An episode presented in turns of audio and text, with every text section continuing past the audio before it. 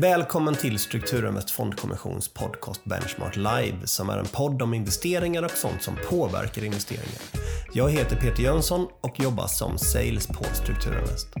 Strukturinvest Fondkommission tillverkar olika typer av finansiella placeringar samt har en marknadsledande depåplattform där bolagets kunder kan handla det mesta som är börsnoterat. Strukturinvest har idag cirka 16 000 kunder som tillsammans har ungefär 17 miljarder kronor på sina depåer hos bolaget. Idag så besöker vi Lannebo Fonder ehm, som de sista 20 åren varit ett av de fondbolag som bedrivit aktiv förvaltning på ett väldigt framgångsrikt sätt. Och vi kommer då idag fokusera på en ny fond som de har som heter Lannebo Teknik Småbolag och lanserades för några månader sedan. Eh, och till vår hjälp för att reda ut då vad detta är för fond har vi de båda förvaltaren Johan Nilke och Helene Broman framför oss. Kul att vara här på Lannebo Fonder. Kul att Kul du är här. Att är ja. Det är väldigt härligt. Det är lite vår i luften av med. Ja, man har eh, lite vårkänslor. Liksom. Dock inte på börsen så här långt. Nej, Nej där, är det tvärtom. Ja. Där är det iskallt faktiskt. Äntligen kom den här vintern alla väntat på. Ja. Eh, jag tänkte vi skulle börja lite med att eh, prata om er och vad ni gjort tidigare. För Lanneborg är ett väldigt aktat varumärke och jag gissar på att man måste gjort någonting bra innan man då får förvalta det varumärket vidare. Ja, Nej men Helene, du får ja, jag, gärna jag kan börja berätta, berätta lite. Eh, så jag har eh, bakgrunden från, från Lannebo här så har jag tidigare varit i förvaltarteamet för våra mikro och nanocapfonder. Så det är investeringar i de allra minsta bolagen mm. på börsen. Och eh, sen så började Johan och jag förvalta eh, teknik och tekniksmåbolag tillsammans. Men innan jag var på Lannebo så har jag en bakgrund på Carnegie där jag varit aktieanalytiker och eh, det har varit inom en hel del sektorer där. Det var lite blandat, men, men en del inom bankanalys. Mm. Ja, och jag Johan Nilke. Eh, jag började på Lannebo 2018 och eh, tog då över förvaltningen som då hette Lannebo Vision. Idag heter den Lannebo Teknik.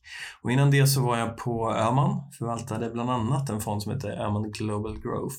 Väldigt likt eh, ja, mandat. Just det, också som, teknikinriktad fond. Exakt, så det var väldigt likt mandat som Vision, Lannebo Vision hade. Eh, och jag var på Öhman sedan 2007 så jag har hunnit med några, några, några mm. olika saker där men har haft, varit involverad i ett antal fonder. Men den som har störst fokus var just den som heter Global Growth inom IT. Mm. Mm. mm. Och om vi då går in direkt på Lannebo småbolagsteknik. Vad är det här för fond? Vad har den för mandat? Är det global fond eller är det bara Norden? Eller är det, vilken storlek på, när man är småbolagsfond, liksom, vad är, Finns det något fokus då på storleken gissar jag på? Mm. Nej, det är en global fond. Mm. Um, kan jag köpa i vi, hela världen? Vi kan investera i hela världen. Uh, men det är bolagen som styr den geografiska fördelningen i, i fonden. Uh, så vi kan ha, vi behöver inte förhålla oss egentligen till något, något index Nej. på det sättet, utan vi kan investera. Så i dagsläget är det ungefär 30 Sverige, 30 Europa uh, och 30% Nordamerika. Okay, inget Asien? Inte i dagsläget. Men ni kan vi, köpa vi började 7 november så målet är att jobba in oss på bolag. Det tar lite längre tid i vissa marknader men det är målet. Så, men, det, men det är en global, global fond. Och vi investerar då i, i teknikdriven tillväxt som vi kallar det. Och det är småbolag och småbolag i definitionen på det är för oss i varje fall och den marknadsmässigt är det ungefär 5 miljarder dollar.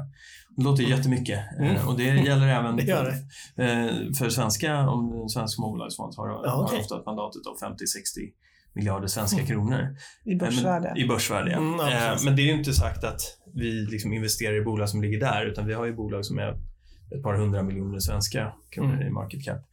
Eh, utan det är liksom taket. Vi vill kunna växa med bolagen också så att vi inte ska behöva slänga, liksom sälja dem för tidigt. Mm. Ehm, mm. Just det, måste man sälja dem om börsvärdet går över 5 miljarder dollar? Vi måste inte göra det, eh, utan vi har möjlighet att ha dem en bit över också.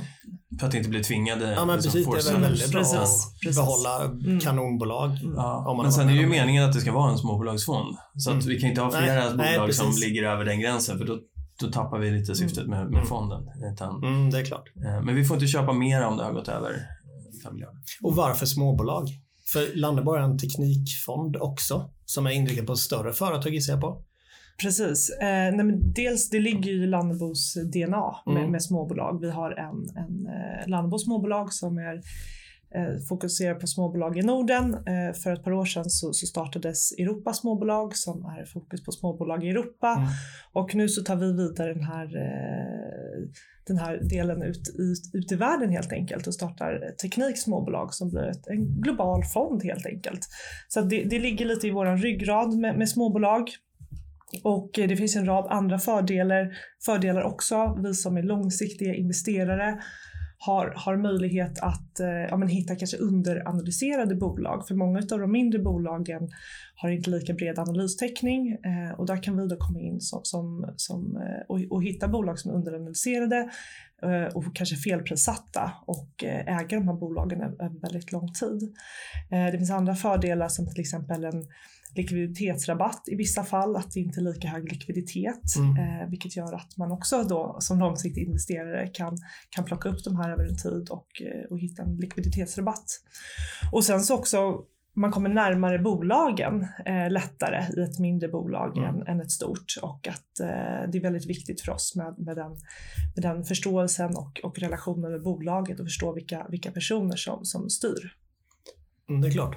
Och sen relativt om man ser då kring relativt den, andra fonden, Landbo Teknik då, som investerar i alla storlekar på bolag så är det ju, vi har investerat i den tidigare i småbolag också. Eh, och det har varit en framgångsrik del men det har liksom drunknat lite grann i den mm. portföljen. Eh, så, och sen fick vi också en efterfrågan från kunder och eh, internt ifrån att ja, men det här är ett intressant område, de bolagen är ju spännande. Varför startar vi inte en fond på det området också och mm. separerar ut de bolagen? Mm. Eh, så det, det är också en del i det. Och vad är, vad är teknikbolag för er liksom? Uh, jag som är 77, inte 77 år gammal, utan jag är född 1977. Växte upp när IT-yran var liksom som hetast och det var då man började intressera lite för aktier. Är det fortfarande så att teknikaktier oftast är förknippade med internet på något sätt? Eller finns det andra typer av teknikbolag idag som ni gillar? Alltså, vi, vi, vi brukar ju säga teknikdriven tillväxt och om man jämför med till exempel teknik då för, för liksom 20 år sedan så var det mer isolerat till en sektor, man pratade om IT-sektorn. Mm. Eh, nu är teknik mycket mer spritt över många många, nästan alla sektorer skulle jag säga. Att det är mm. det som också driver, driver bolagen och driver sektorerna framåt. Och eh, det, det reflekteras ju också i det, den, det investerings, vår investeringsprocess och vår investeringsfilosofi. Hur vi hittar våra bolag och vi kommer säkert gå in lite på det senare, mm. men att vi har ett liksom, tematiskt angreppssätt när vi hittar våra investeringar. Precis, vi kan ju ta det nu. Liksom. Vad är det för typ av bolag ni gillar? Om vi börjar där egentligen med att säga det, just bryta ner det teknikdriven tillväxt. Och vi har möjlighet att investera i alla sektorer som har mm. det nu. Och, och då, då tittar vi egentligen på vad, vad är det för, för teknik som, som är liksom används nu och vi brukar ofta dra exemplet mellan då eh, liksom inom konsument eller för oss som privatpersoner har det hänt väldigt, väldigt mycket.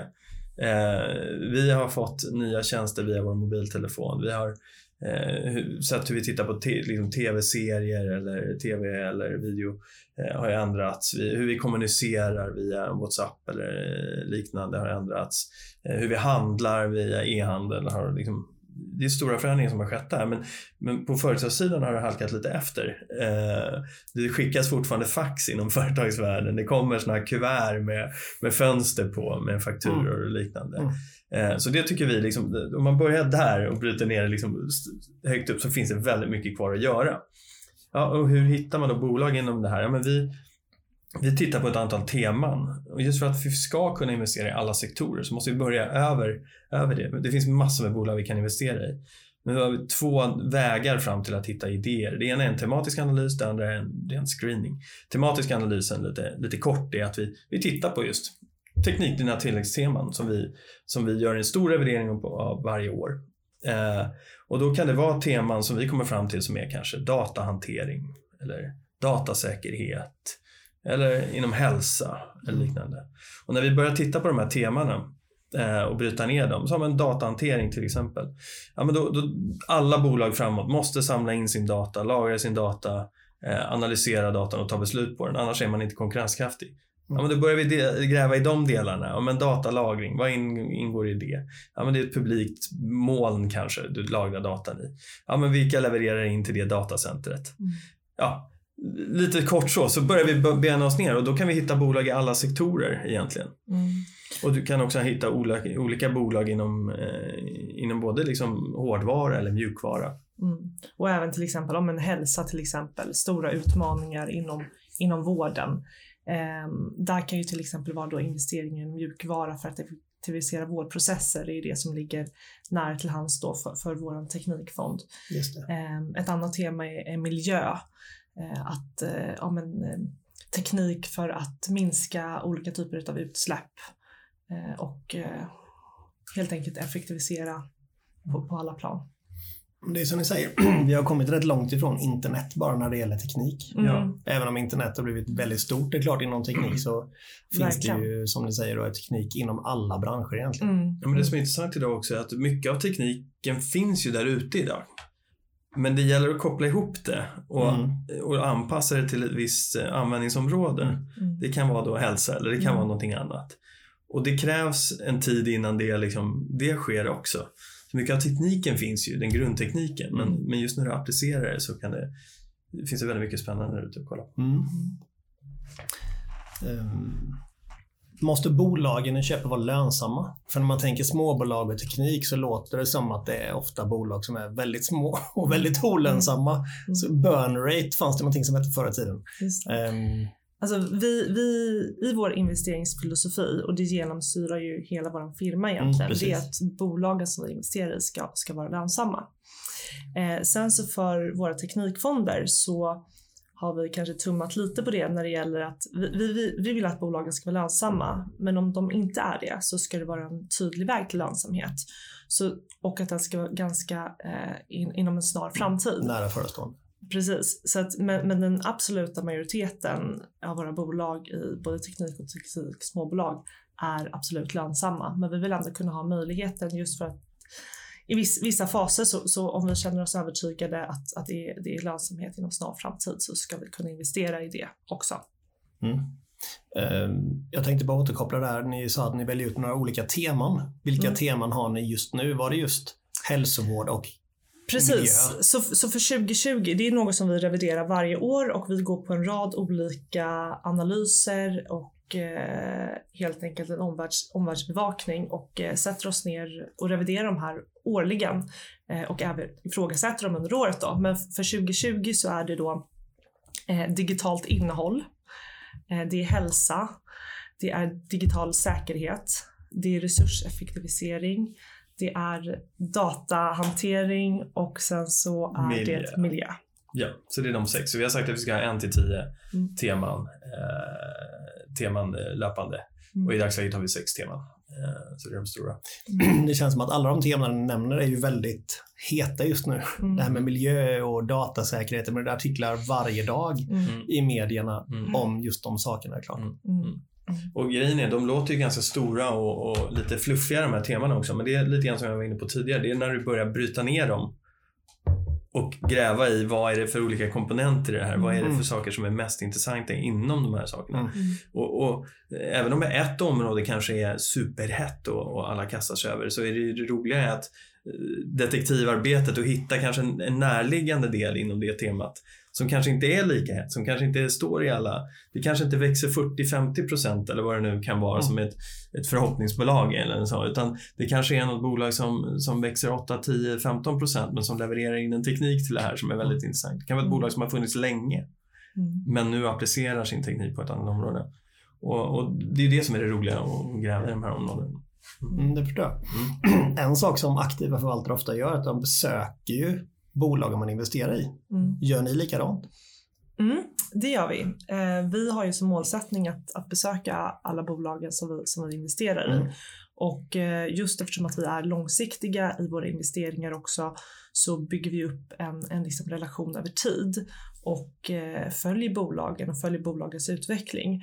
Och det är också av stort intresse att vara ute och träffa bolagen och faktiskt träffa an, olika personer inom organisationen för att liksom få en bättre förståelse, inte minst för liksom kulturen mm. och eh, liksom kanske de mjuka faktorerna som, som är svåra att, att eh, läsa sig till i, i årsredovisningar. Pratar man bara med folk i företaget eller pratar man även med typ kunder och leverantörer och vad det kan vara mer? Nej, men du, det kan vara övriga också. Alltså, du kan prata med alla typer av intressenter Mm. inom det här. Eh, huvudsaken är att träffa liksom, ledningen. Mm. Men i vår analys så tar vi med eh, vissa delar som, som du nämnde där också. Liksom. Men, men i, en, I ett teknikbolag, men, liksom, personal är ju en otroligt viktig del.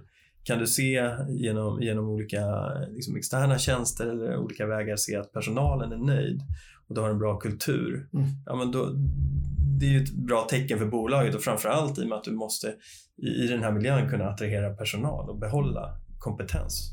För det är, det är, nog liksom, det, det är stor konkurrens om kompetens där ute Mm. just nu. Det Så det är, det är en viktig del. Jag kan tänka mig att det är väldigt mycket så inom teknikföretag med. Precis. Alltså skarpa hjärnor som har skarpa idéer. Mm.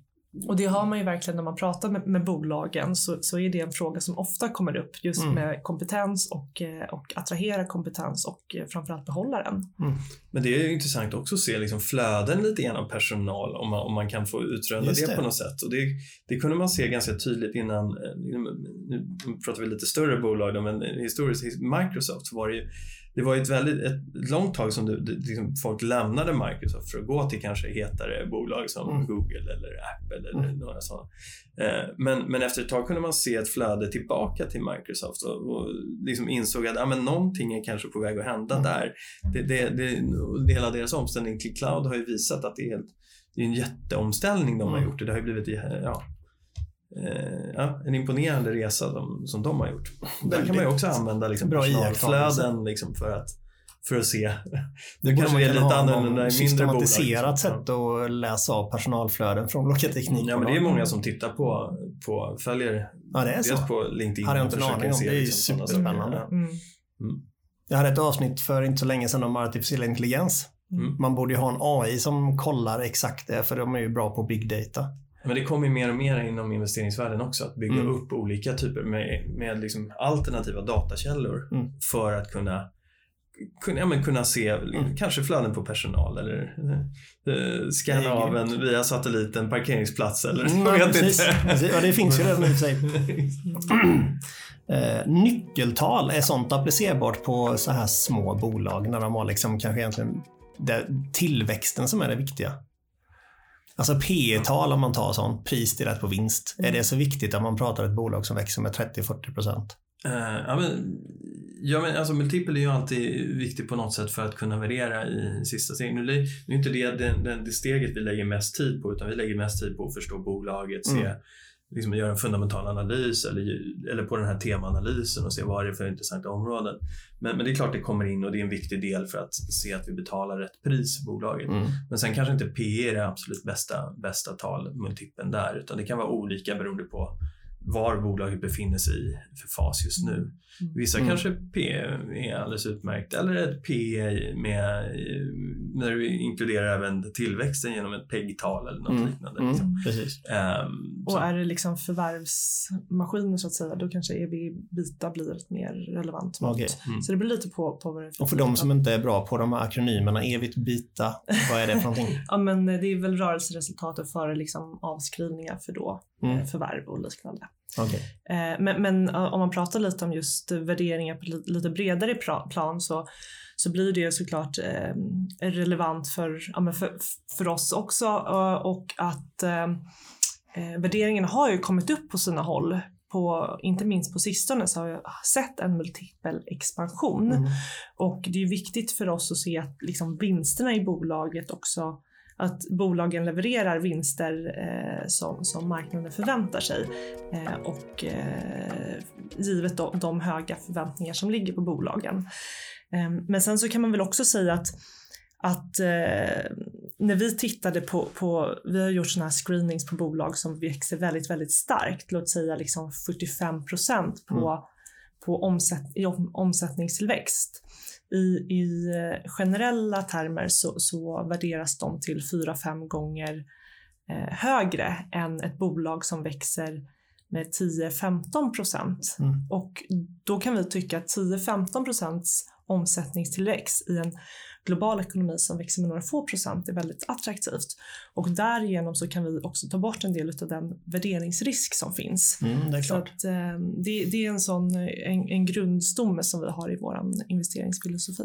För bolag som växer med 50% har ju också kanske större risk att inte växa med 50 nästa år. Precis. Mm. Däremot de som växer med 10 och har en hållbar affärsidé kanske kan växa med 10 i all oändlighet. Mm. Så kan det vara. Mm. Mm. mm. Sen växer du med de, med de talen 40-50, alltså det, då kanske det också är lite svårare att se när, när lönsamheten inträffar. Mm. Uh, och där är också svårigheten att beräkna en lönsamhet i ett bolag där du kanske där, där du är beroende av den kostnadsbasen du har för att upprätthålla 40-50 procent. Mm. Och se var, var är liksom inflection point där du kan dra ner dina kostnader men samtidigt ha en hyfsad tillväxt kvar. Ja. Det finns ju rätt många sådana bolag som är, har väldigt höga P tal um, nu är vi inne på lite annat här, mm. men alltså Netflix eller Tesla, men det är ju inte så att de tjänar svin mycket pengar på ren svenska mm. och ändå är de värda enormt mycket dollars. Mm. Um, men de är lite för stora för er också att köpa, vilket kanske är skönt. Ja, vi har ju, vi har ju möjligheten i Teknikfonden, den ja, stora fonden. Ja, precis. Så, mm. men, eh, men så är det ju. Eh, Tesla har ju haft en ja, mm. minst sagt otrolig resa ja, sista månaden. Verkligen. Eh, och där kanske liksom, just det vi pratade om innan, det här med att värderingen kanske kopplas ifrån bolagets mm. verksamhet lite grann. Mm. Eh, eller mycket. Eller mycket, mm. eh, till viss del. Um, fonden är ganska ny. Var det november ni startade? Mm, så den är november. fyra månader typ? Ja, snart så. Hur mycket pengar har ni fått in än så länge? Um, vi har fått in lite drygt 400 miljoner. Mm. Mm. Det är väl bra måste ja, man säga. Så vi, vi, vi är nöjda. Mm. Och, eh, det måste väl vara en fördel att vara lite mindre så, alltså som fond. För då, om, man, alltså, om man har 50 miljarder kronor ja. och en småbolagsfond Absolut. så är det kanske svårt att röra sig med de små bolagen och köpa liksom, nästan hela bolaget om man ska ta en stor position. Precis, man kan vara lite mer eh, snabbfotad om, mm. om man vill säga så. Eh, och eh, ja, absolut. Nej, men det är en fördel att vara lite mindre. Mm. Eh, sen har ju vi en, liksom en eh, globalt mandat också, så vi har möjlighet mm. att hitta bolag som kanske är... Eh, liksom likviditet är en viktig, viktig faktor för oss att titta på när vi tittar på bolagen. Mm. Så vi har möjlighet att titta på bolag runt om i världen inom... Så även om ett bolag i Sverige kanske är lite för litet för oss inom en viss nisch att investera i, ja men då kan vi titta något liknande utomlands. Mm. Eh, och så har det skett i flera mm. fall också där vi har Precis. kanske både ett, både ett svenskt bolag mm. som vi har en del i men även ett utländskt bolag. Då kan vi få samma samma investeringsnisch. Liksom, eller samma... Man köper liksom en del av ett kluster nästan. Ja, men nästan mm. kan det vara så. Så att man tror liksom på själva branschen. Ja, så. så kan det vara. Absolut. Mm. Mm. Som vi började med att säga lite där, det, idag är ju en ganska, idag är det den vad är det, 24 februari. Mm. Det är en ganska blodig dag på börsen tack vare coronaviruset. Mm. Det är väl minus 3,5-4 procent någonting. Um, hur ser ni liksom på den allmänna börsutvecklingen framöver? Om man liksom kopplar bort lite det här teknikfokuset. Alltså vi förlitar oss på vår långsiktighet. Mm. Och det är verkligen stommen och där vi har fokuset. Eh, så en sån här dag när det går ner eh, är vi ödmjuka inf inför det och det, det, kan ju fortsätta, absolut. Men, men vi, vi passar även på, eh, givet att vi har inflöde nu också, mm. passa på att och, köpa dagar som, som det går ner och eh, vara fokuserade på, på långsiktigheten. Mm. Det, är ja, men det är ju så att eh, det, det är ju inget snack om att börsen har gått starkt och många bolag mm. har värderats upp. Och vi är som, vi är liksom, I många fall har vi sett kurserna gå ifrån vinsterna vilket gör att vi får den här multi, multipelexpansionen mm. som vi pratade om lite grann innan. Samtidigt så, så inom just det området, det är svårt, du säger att vi ska blicka ifrån det här. Vi, teknikområde som vi investerar i. Men samtidigt så tror vi så mycket på just mm. det långsiktigt. Att det, finns så mycket kvar att göra mm. och det skapar, eh, skapar investeringsmöjligheter eh, inom de här områdena. Inom just framförallt teknik. Så att, mm, ja, vissa säger, grejer ser lite dyrt ut men, men det går i dagsläget, eller, dagsläget också eller, att hitta saker som är okej värderade. Mm. Eh, det tar bara lite längre tid mm. i en sån här marknad. Mm. Så är det. Mm. Uh, och sen är det ju också så, om man pratar generellt sett, så är det liksom alternativet. Vad är alternativet i mm. dagsläget? Och det är det alla pratar om. Liksom. Och det är väl också Tina. därför börsen går så pass bra, för att ja. det finns inga alternativ. Nej, Nej. precis. Och, och, som sagt, att vi, vi litar också på alltså vår övertygelse om att teknik kommer vara ett, liksom en, en viktig ingrediens för att liksom bygga morgondagen och, och driva, fortsätta ligga, bygga, driva mm. en, en tillväxt.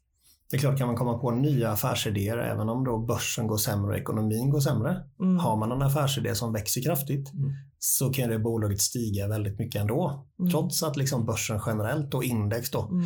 går ner. Mm. Och sen är det också så viss, många av de här bolagen vi investerar i är ju, dels är det kritiskt för, för deras kunders verksamhet att ha de här, ha de här produkterna. Men sen är det också så att många av dem är ju, är ju till för att effektivisera verksamheten. Mm. Eh, och då kanske det är det du ska titta på i en ekonomi som är lite sämre. Att, att effektivisera din verksamhet, få ner dina kostnader på sikt. Så att, Mm. Eller skapa en ny intäktsström som också kan vara, ny teknik kan vara hjälp till. Mm. Så att, mm. Men sen så också i, i, det här, i den här marknaden så att just undvika förhoppningsbolag är en, en, en ganska viktig del. Att det finns en hel del förhoppningsbolag ute och i den här marknaden också. Och genom som vi var inne på tidigare då att man, man eh, undviker de här bolagen som har de högsta värderingarna utan faktiskt eh, investerar i bolagen som har en, det finns ju en attraktiv värdering som kanske växer lite långsammare då. Eh, men att man kan undvika de här binära riskerna som ja, men till exempel inom, inom vissa hälsovårdsbolag att det är en fas 1, 2, 3 studie som ska igenom. Mm. Eh, där där Precis. håller vi oss borta ifrån. Utan, Ja, precis. Och där, jag menar, i de här läkemedelsbolagen, får de inte igenom sitt liksom läkemedel så är de ju värda nästan noll. Mm. För de har ingenting att sälja Nej, efter en precis. dag. Så där vill vi ha en beprövad Mm, affärsmodell. det är klart. och, Det måste också vara en väldigt fördel och nackdel tänker jag det här med att det är så stora flöden in i indexfonder. För om man då inte är indexnära förvaltare och det kommer in väldigt mycket pengar i indexfonder som till exempel gjort i USA under rätt många år. Så blir ju de här indextunga aktierna får ju väldigt mycket nya pengar hela tiden. mm, Vilket gör att de går upp väldigt mycket, vilket då drar index. Vilket gör att det blir svårt för aktiva förvaltare att hänga med index om man inte äger de här största bolagen i indexet. Samtidigt så borde ju det finnas rätt många bolag då som glöms bort, som har ett liten indexvikt, som då inte går upp i värde alls. Även om index går mycket. Alltså hur ser ni på den? Det, det finns ju på något sätt två sidor på det myntet. Indexproblematiken, om man, eller indexmöjligheten. Men det finns flera det problem, pro- alltså flera problem med index och, och, eller indexfonder. I, eh, inte bara det att de ska köpa då alltid. Det, ibland så, så du, man blandar också upp index och indexfonder. Indexfonder måste ju också handla de här. Mm. Vilket gör att ja, men det kanske inte är alla där heller. Och indexfonderna som hänger med i det här och kan köpa, Mm. köpa in sig i de här eh, innehaven. Då. Eh, och det folk glömmer bort också är att det finns ett inbyggt momentumspel i en indexfond. Som du nämner, Mm. du hela tiden köper upp allting. Eh, och det är klart, i, en marknad där allting bara går upp så är det ju ja, Då är blir det ett åt självspelande liksom, momentum åt rätt håll till viss del. Eh, men när det här vänder så, så borde du ju få det här precis tvärtom då. Mm. Och, och det är det här jag tror att kommer skapa eh, liksom, möjligheter för aktiva förvaltare och det jag tror det skapar möjligheter hela tiden och det är inte bara indexfonder utan vi har ju andra typer av mer kvantitativa investerare på börsen Mm. som kanske inte agerar utifrån bolagen hur de går utan Nej, snarare precis. hur eh, Momentum tekniskt eller momentum på Mm. något sätt så. Och där finns det också möjligheter för oss som fundamentala långsiktiga investerare att, att agera. mm. Mm. Så att, ja, men jag håller med om att det finns två, två, två mynt av det. Och, och sen är vi, vi, vi agerar ju egentligen ut, alltså helt eh, avskilt från index. Så vi kan investera i bolag som, som ligger helt utanför index. Eh, noterat såklart, men, men eh, så där finns ju möjlighet också att hitta saker som inte påverkas av det där. Och sen är det också viktigt att ha, vi försöker ha det med i analysen hela tiden se hur stort är ägandet i en ETF eller liknande. Ja, just det. För att kunna se också Mm. till sist, hur kommer det här kunna påverkas av flöden om någonting händer? Drömmen måste ju ändå vara att köpa ett bolag som är utanför index som sen går in och blir en del av index. Det kan vara bra, absolut. Ja. För eh, då kommer ju automatiskt väldigt mycket mer flöden Mm. om världen fortsätter i den riktningen som det har varit nu sista typ, vadå, 10-15 åren i alla fall mot indexfonder. Ehm, ja men det är bra. Mm. Nu kommer vi kanske då till den avdelningen som ni två tycker är mest roligt. Och det är att prata om de enskilda bolagen. Ehm, så kan inte ni nämna några av de bolagen ni har i fonden nu som är liksom era så här favoritföretag? Mm. För det är både småbolag och teknik, vilket jag vet väldigt många människor är intresserade av. Mm. Så shoot! Absolut. Nej, men vi kan väl kanske börja lite med eh, ja, men de, de största Mm, innehaven jättebra. och, och berätta lite närmare om dem. Ehm, så vi har ett eh, amerikanskt bolag som heter Ping Identity Holdings. Det är inte golfföretaget. Nej, alltså Nej. vissa tror ju att det är det här som, men det är, det är inte golfklubbor Nej, och nej. puttar som vi Det är ingen ny driver-teknik Nej, som är inte, fantastisk. nej, men det kanske kommer ett sånt Mm. bolag också, vem vet? Utan det här är eh, identitetslösningar kan man säga. Vi pratade ju lite om att ett av våra teman är säkerhet Mm. och lite närmare då digital säkerhet och cyber security. Och det här bolaget faller in på identitetslösningar. Så det riktar sig mot olika företag om vilka ska ha access till olika delar och när eh, bolagen ha, har generellt en väldigt komplex eh, liksom IT-struktur så har Ping Identity en liksom modulbaserad produkterbjudande som gör, ja, men som gör eh, det väldigt anpassningsbart till den IT-miljö som finns ute på bolagen. Så de har eh, ja, men kunder globalt eh, men har sitt säte i, i USA. Så det är ett av våra största. Det är typ inloggningar till min personliga dator på jobbet eller vad? Mm, ja, men dels är det det. Så de har både då att du ska kunna identifiera dig om du som anställd i ett bolag och eh, styra vilken typ av data ska den här anställda ha tillgång till. Ja just det, så Mm. Vilken typ av system och vilken typ Mm. av så. Men sen är det även då att du ska kunna, ett företag ska kunna erbjuda det här för inloggning, deras lösningar som inloggning för sina kunder. Mm. Så om du till exempel jämför med BankID här Mm, i Sverige eller liknande så har de lösningar för det. Så de har banker som kunder eller det kan vara andra. Men sen har de även då lösningar i, i att du kan knyta den här ident- identiteten så att du sen kan göra kanske erbjudanden och skapa hela kundresan kring den här identiteten. Så, att, så de har lösningar både då för, för liksom en företagsorganisation att lösa identifiering men även för deras kunder. Då. Mm. Det är ett väldigt intressant område. Mm. Så till exempel amerikanska banker är, är kund till, okej. Mm. till Ping. Så det är lite som ett globalt bank-id. Ja, Eller? till viss del. Ja, till viss del. Alltså vissa, alltså vissa delar i affären kan man likna med det. Mm. Det låter som att det är någonting för framtiden, det håller jag verkligen med om. Ja, ja. Och nästa bolag? Ja, vilket ska vi ta sen då? Ja, men vi skulle kunna ta ett annat eh, av våra topp fem innehav Mm. eh, som heter Upland eh, eh, som är eh, ja, men affärs, eh, affärssystem helt enkelt. Vilket bolag? Det låter som Uppland alltså. Uppland, Ja, det precis. stavas nästan som Ja. Upland. Men det är inte från. Sverige? Software. Nej, det är Nej, precis. Upland Ja. Software från USA. Mm.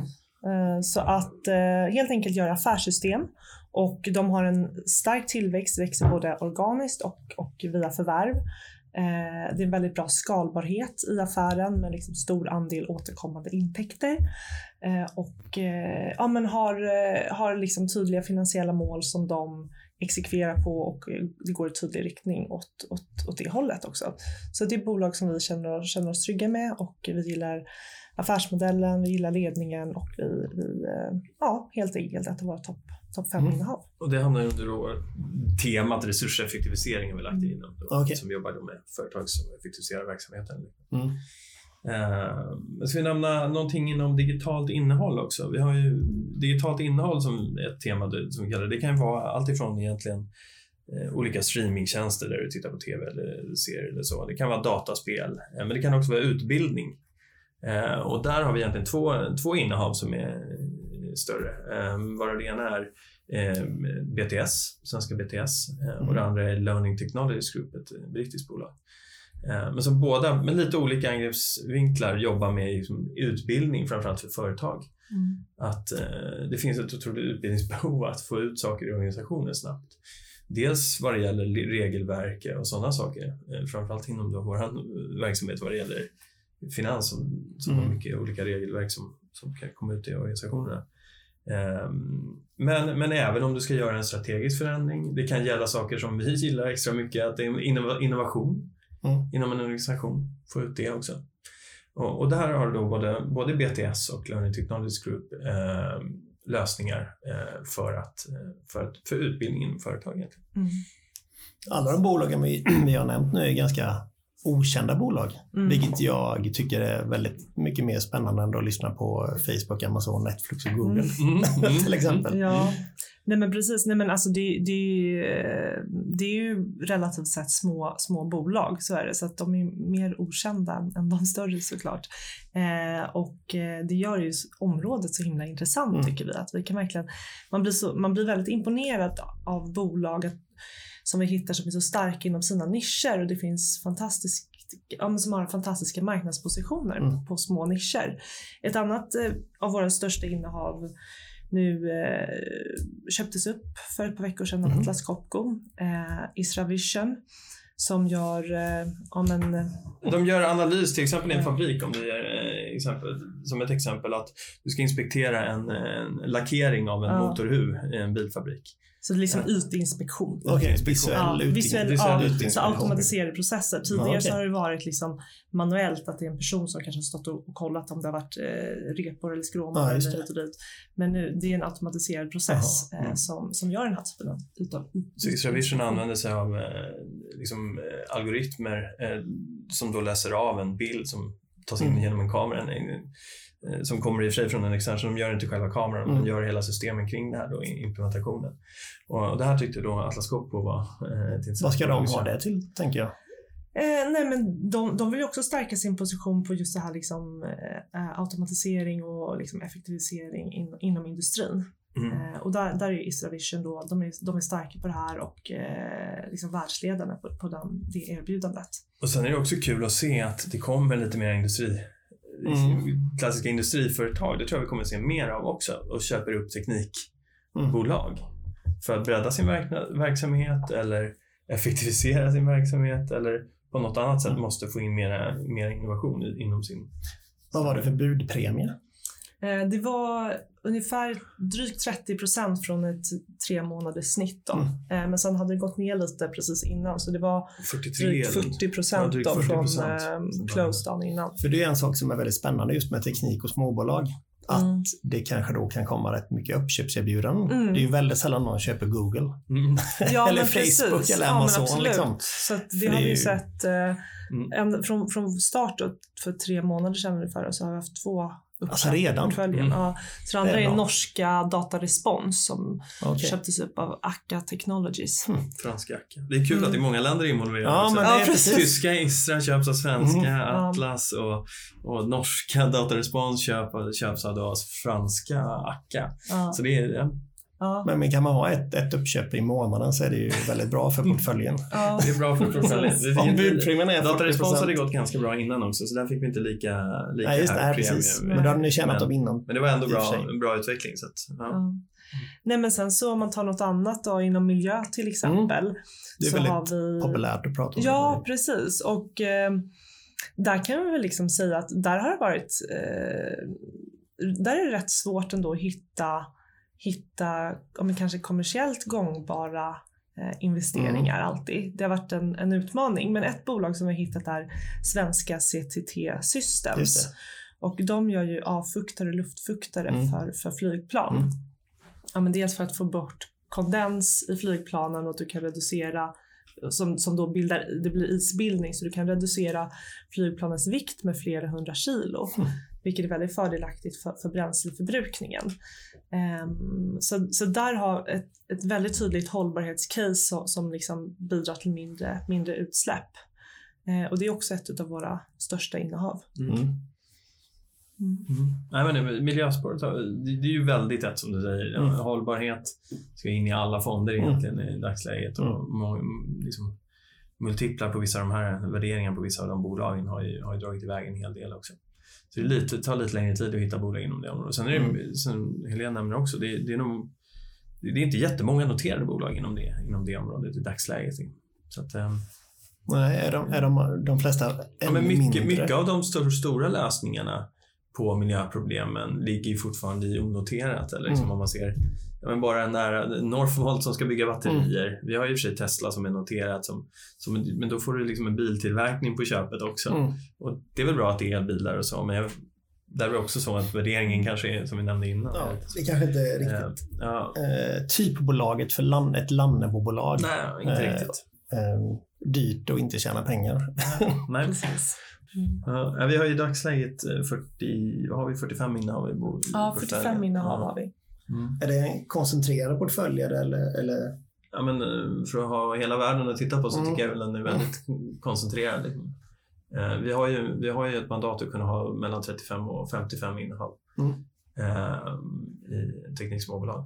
Och så har vi lite, lite mer koncentrerad i teknik där vi har 25 till 35 innehav. Vilket, vilket index jämförs ni emot? Eller jämför ni er emot kanske man ska säga? Index, alltså det, vi har ju MSCI World eh, IT Small Cap heter den.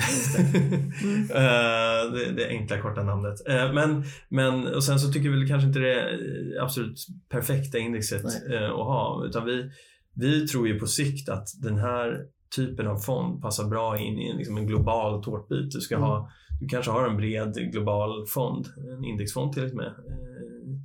Eh, eh, och sen så kompletterar du det med någonting som, där du får mera tillväxt. Mm. Eh, och det är en typ av fond. Så någonstans mellan kanske ett globalt index och en eh, IT-index. För det här är ju mer, vi har ju flera sektorer än bara IT. Men jag tänkte det indexet eh, MSCI World IT Small Cap, Mm. om det hette så. Mm. Eh, jag gissar på att det har väldigt många fler innehav än 45. Ja. Det kanske Ja. har tusen Ja, eller ja, liksom. ja, Så ja. men då är ni ju väldigt koncentrerade. Ja. Vilket är ju det man söker hos en aktiv förvaltare också såklart. Mm. Någon som tror på någonting. Mm det Är det viktigt för er med hållbarhet? Alltså överlag eh, ESG-rating och så vidare på de bolagen ni köper? Ja, alltså vi gör ju en hållbarhetsanalys på alla bolag som vi investerar i. Och det gör vi på hela firman, så det är en väldigt viktig aspekt vid eh, investerings investeringstillfället. Mm. Eh, och eh, Och även löpande. För vi, vi även har, löpande, precis. Och det är också alltså, hållbarhet, det, det är liksom kvalitet och det genomsyrar Mm. bolaget. Så det är liksom, det är en självklarhet. Mm. Precis. Många tror att det bara handlar om miljö ju. Ja, Men det handlar och det liksom är så om mycket allting mer. som och det är bolaget liksom gör egentligen. olika, om man pratar om E1 och S1 och G1 Mm. ESG så är det ja, för vissa sektorer så väger E1 mer och för andra väger S1 mer. Alltså det, det är väldigt... ehm, eh, Och då E är ju då miljö. Och Precis. S är social. social och G governance.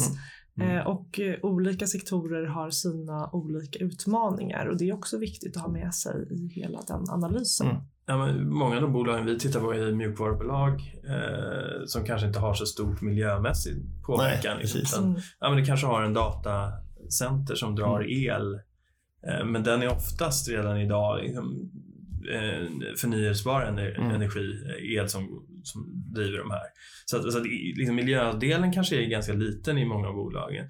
Men det kanske blir viktigare med just det här eh, med social och, och alltså, bolagsstyrning och så också. Mm. Att, Mm. och många gånger är ju, är ju det här med integritetsfrågor viktigt för de här bolagen. Mm. Att du, du, du ska hålla koll på din data. Mm. Eh, det blir snarare en viktig del i hållbarhetsfrågan kring, Mm. kring de bolagen vi tittar på. Mm.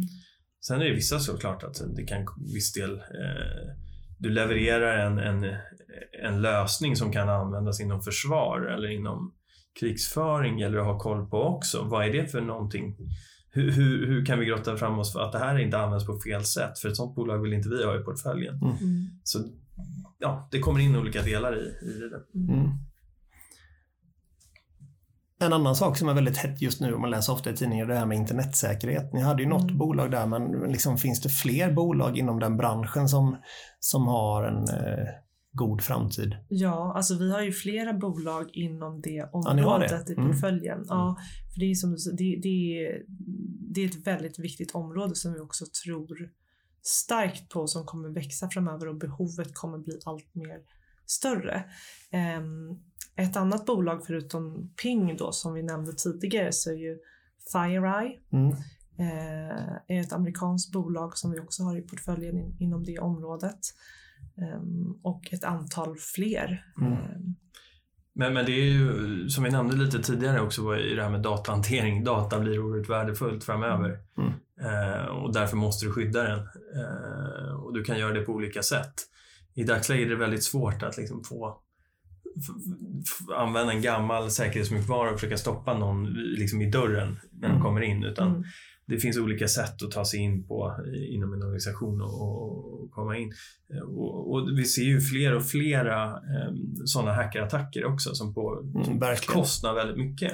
Inte minst i Norden har vi sett på sista tiden. Exakt. Och det kostar hundratals miljoner. Mm. Dels är verksamheten nere, men sen för att återställa all den data och få upp allting igen, det, det blir otroliga kostnader. Mm. Eh, Och det är bara de man ser. Vissa tror jag betalar, Mm. eller ganska stort mörkertal i som faktiskt betalar Mm. den här eh, summan som du gör för att låsa upp den datorn som Mm. är låst. Då. Mm. Eh, Så de får ju, det gör ju också att de här organisationerna som jobbar med ja, som för skurkarna, eh, de får ju mer och mer ekonomiska resurser också Mm. i takt med att folk betalar Mm. och kan göra mer avancerade saker. Jag hörde faktiskt på eh, något föredrag om just det och då var det någon företagare som hade blivit utsatt för just detta. De hade liksom stängt ner hela hans verksamhet. Eh, Och så hade han fått ett mejl. Betala liksom en bitcoin eller vad det nu kan ha varit då, till den här adressen. Och så skickar vi en nyckel till dig. Och han hade gjort det. Eh, Och så funkar inte nyckeln.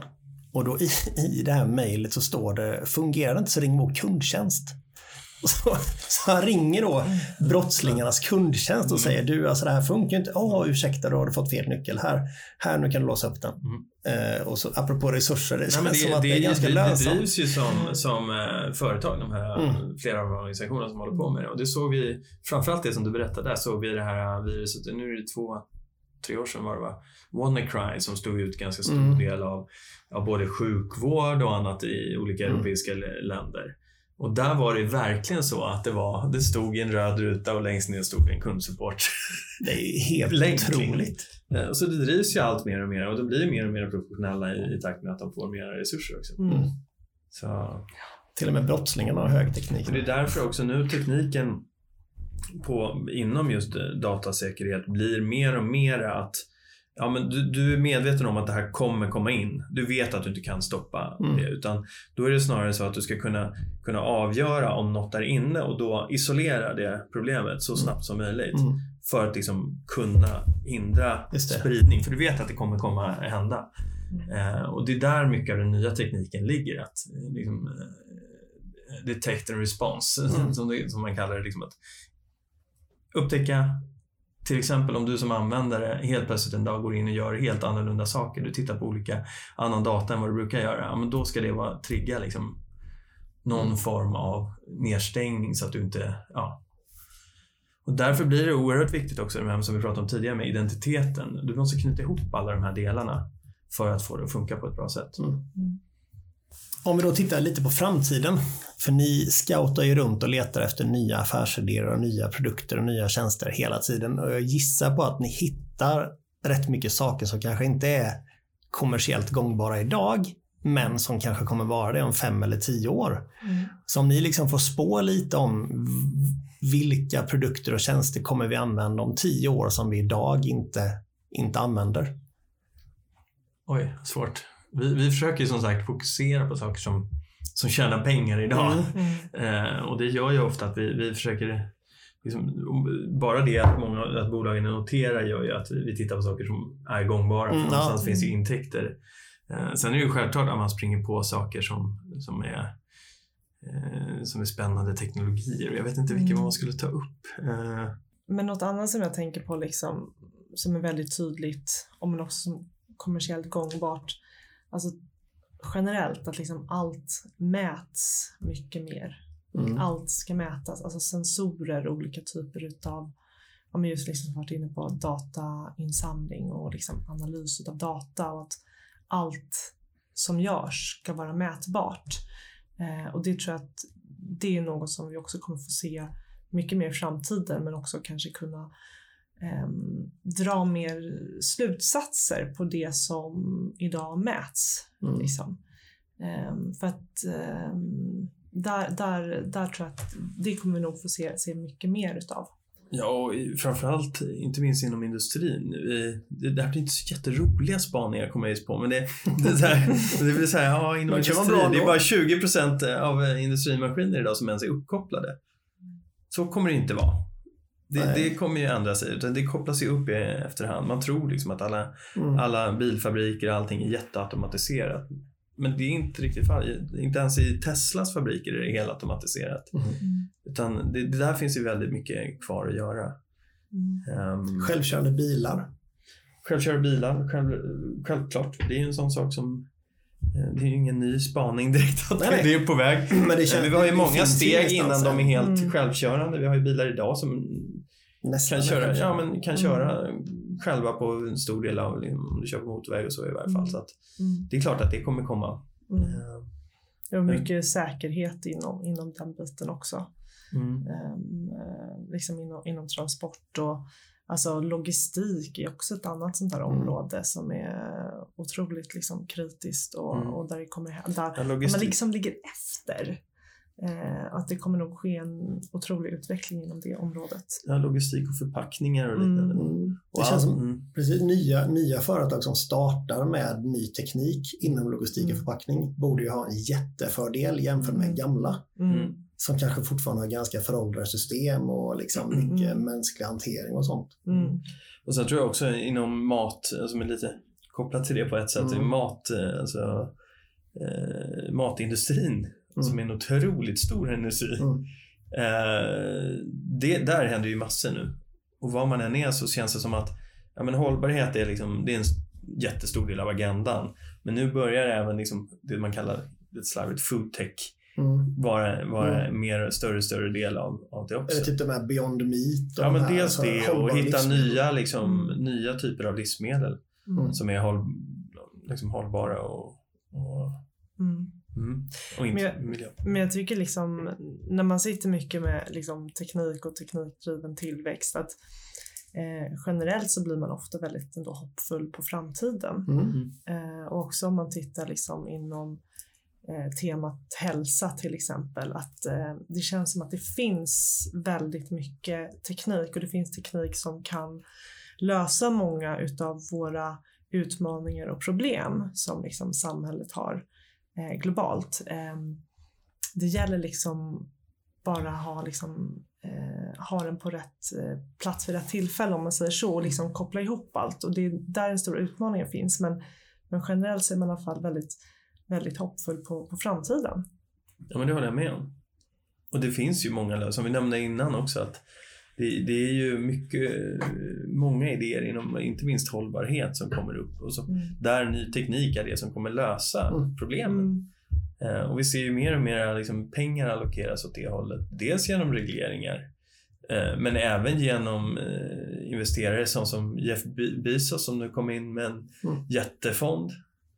Eh, sålt av eh, Amazon-aktier och nu stoppar in i, liksom, i hållbarhetsinvesteringar Mm. och så. Så att det, Det är jättebra. det kommer hända, hända mycket. Någonting jag tänkte på när vi satt och pratade. Det finns ju några företag i världen som är väldigt stora idag som har, där vi har givit dem all vår data gratis. Om man pratar om Facebook och Google och så vidare. Och så har de tjänat extremt mycket pengar på egentligen det som vi äger, det vill säga vår egen data om man uttrycker det så. Tror ni att den trenden kan vända? Så att vi kan börja ta betalt för att de ska få reda på vad jag vill köpa eller vad jag vill kolla på för film och så vidare. Mm. Eller är det bara... Nej, men det, det finns redan, eh, det är så. redan bolag som håller på med det. Att du, du själv ska kunna dela med dig av, eh, av en viss typ av data och på så sätt skapar det en, ett värde i den. Mm. Till exempel för att få lägre bolån, lägre Mm. eh, elkostnader eller vad det nu kan vara. Så att, så att du kan, jag visar min data eh, och i, i gengäld kan jag då ha det Ja, som en valuta. Liksom. Mm. Så det finns redan liksom, bolag, inte något som är noterat i dagsläget, Nej. men, men på det. Ja, och det finns ju även alltså, en del bolag man som kanske mäter hur du kör eller hur Mm. du är i trafiken. Ehm, Det finns ju spännande samarbeten då med liksom försäkringsbolag. Att, men Mm. Hur ska din premie se ut då i relation till någon annan? Mm. Ehm, Det kan ju dock vara negativt också. Det kan vara negativt och det kan vara Men positivt. det är Så att det, Inte Ja, vi kör ju väldigt fint och härligt. Så, Ja. eh, ja. Men jag tror väl att det var ungefär de frågorna jag hade. Är det någonting ni känner att vi har glömt att beröra som vi borde beröra? Jag tycker att vi fått reda på lite mer om er fond. mm. Eh, lite vilka typer av bolag ni gillar att eh, investera i. Eh, lite mer om er. Eh, och lite om framtiden kanske. Nej, jag hoppas det, Mm. gav, Mm. gav någonting. Jättefint. Ja. Jag tycker Ja. det var kanon. Ja, men jättekul. Tack så jättemycket för att vi fick komma och besöka er. Tack så mycket. Kul Tack att ni kom. Tack så Mm. mycket. Det du hört i denna podcast ska inte ses som rådgivning rörande finansiella placeringar eller investeringar, bokförings-, skatte eller juridiska frågor. Du ska inte basera dina investeringsbeslut på det som framkommit i podcasten. Kontakta alltid din rådgivare för att bedöma om en placering eller investering är lämplig för dig.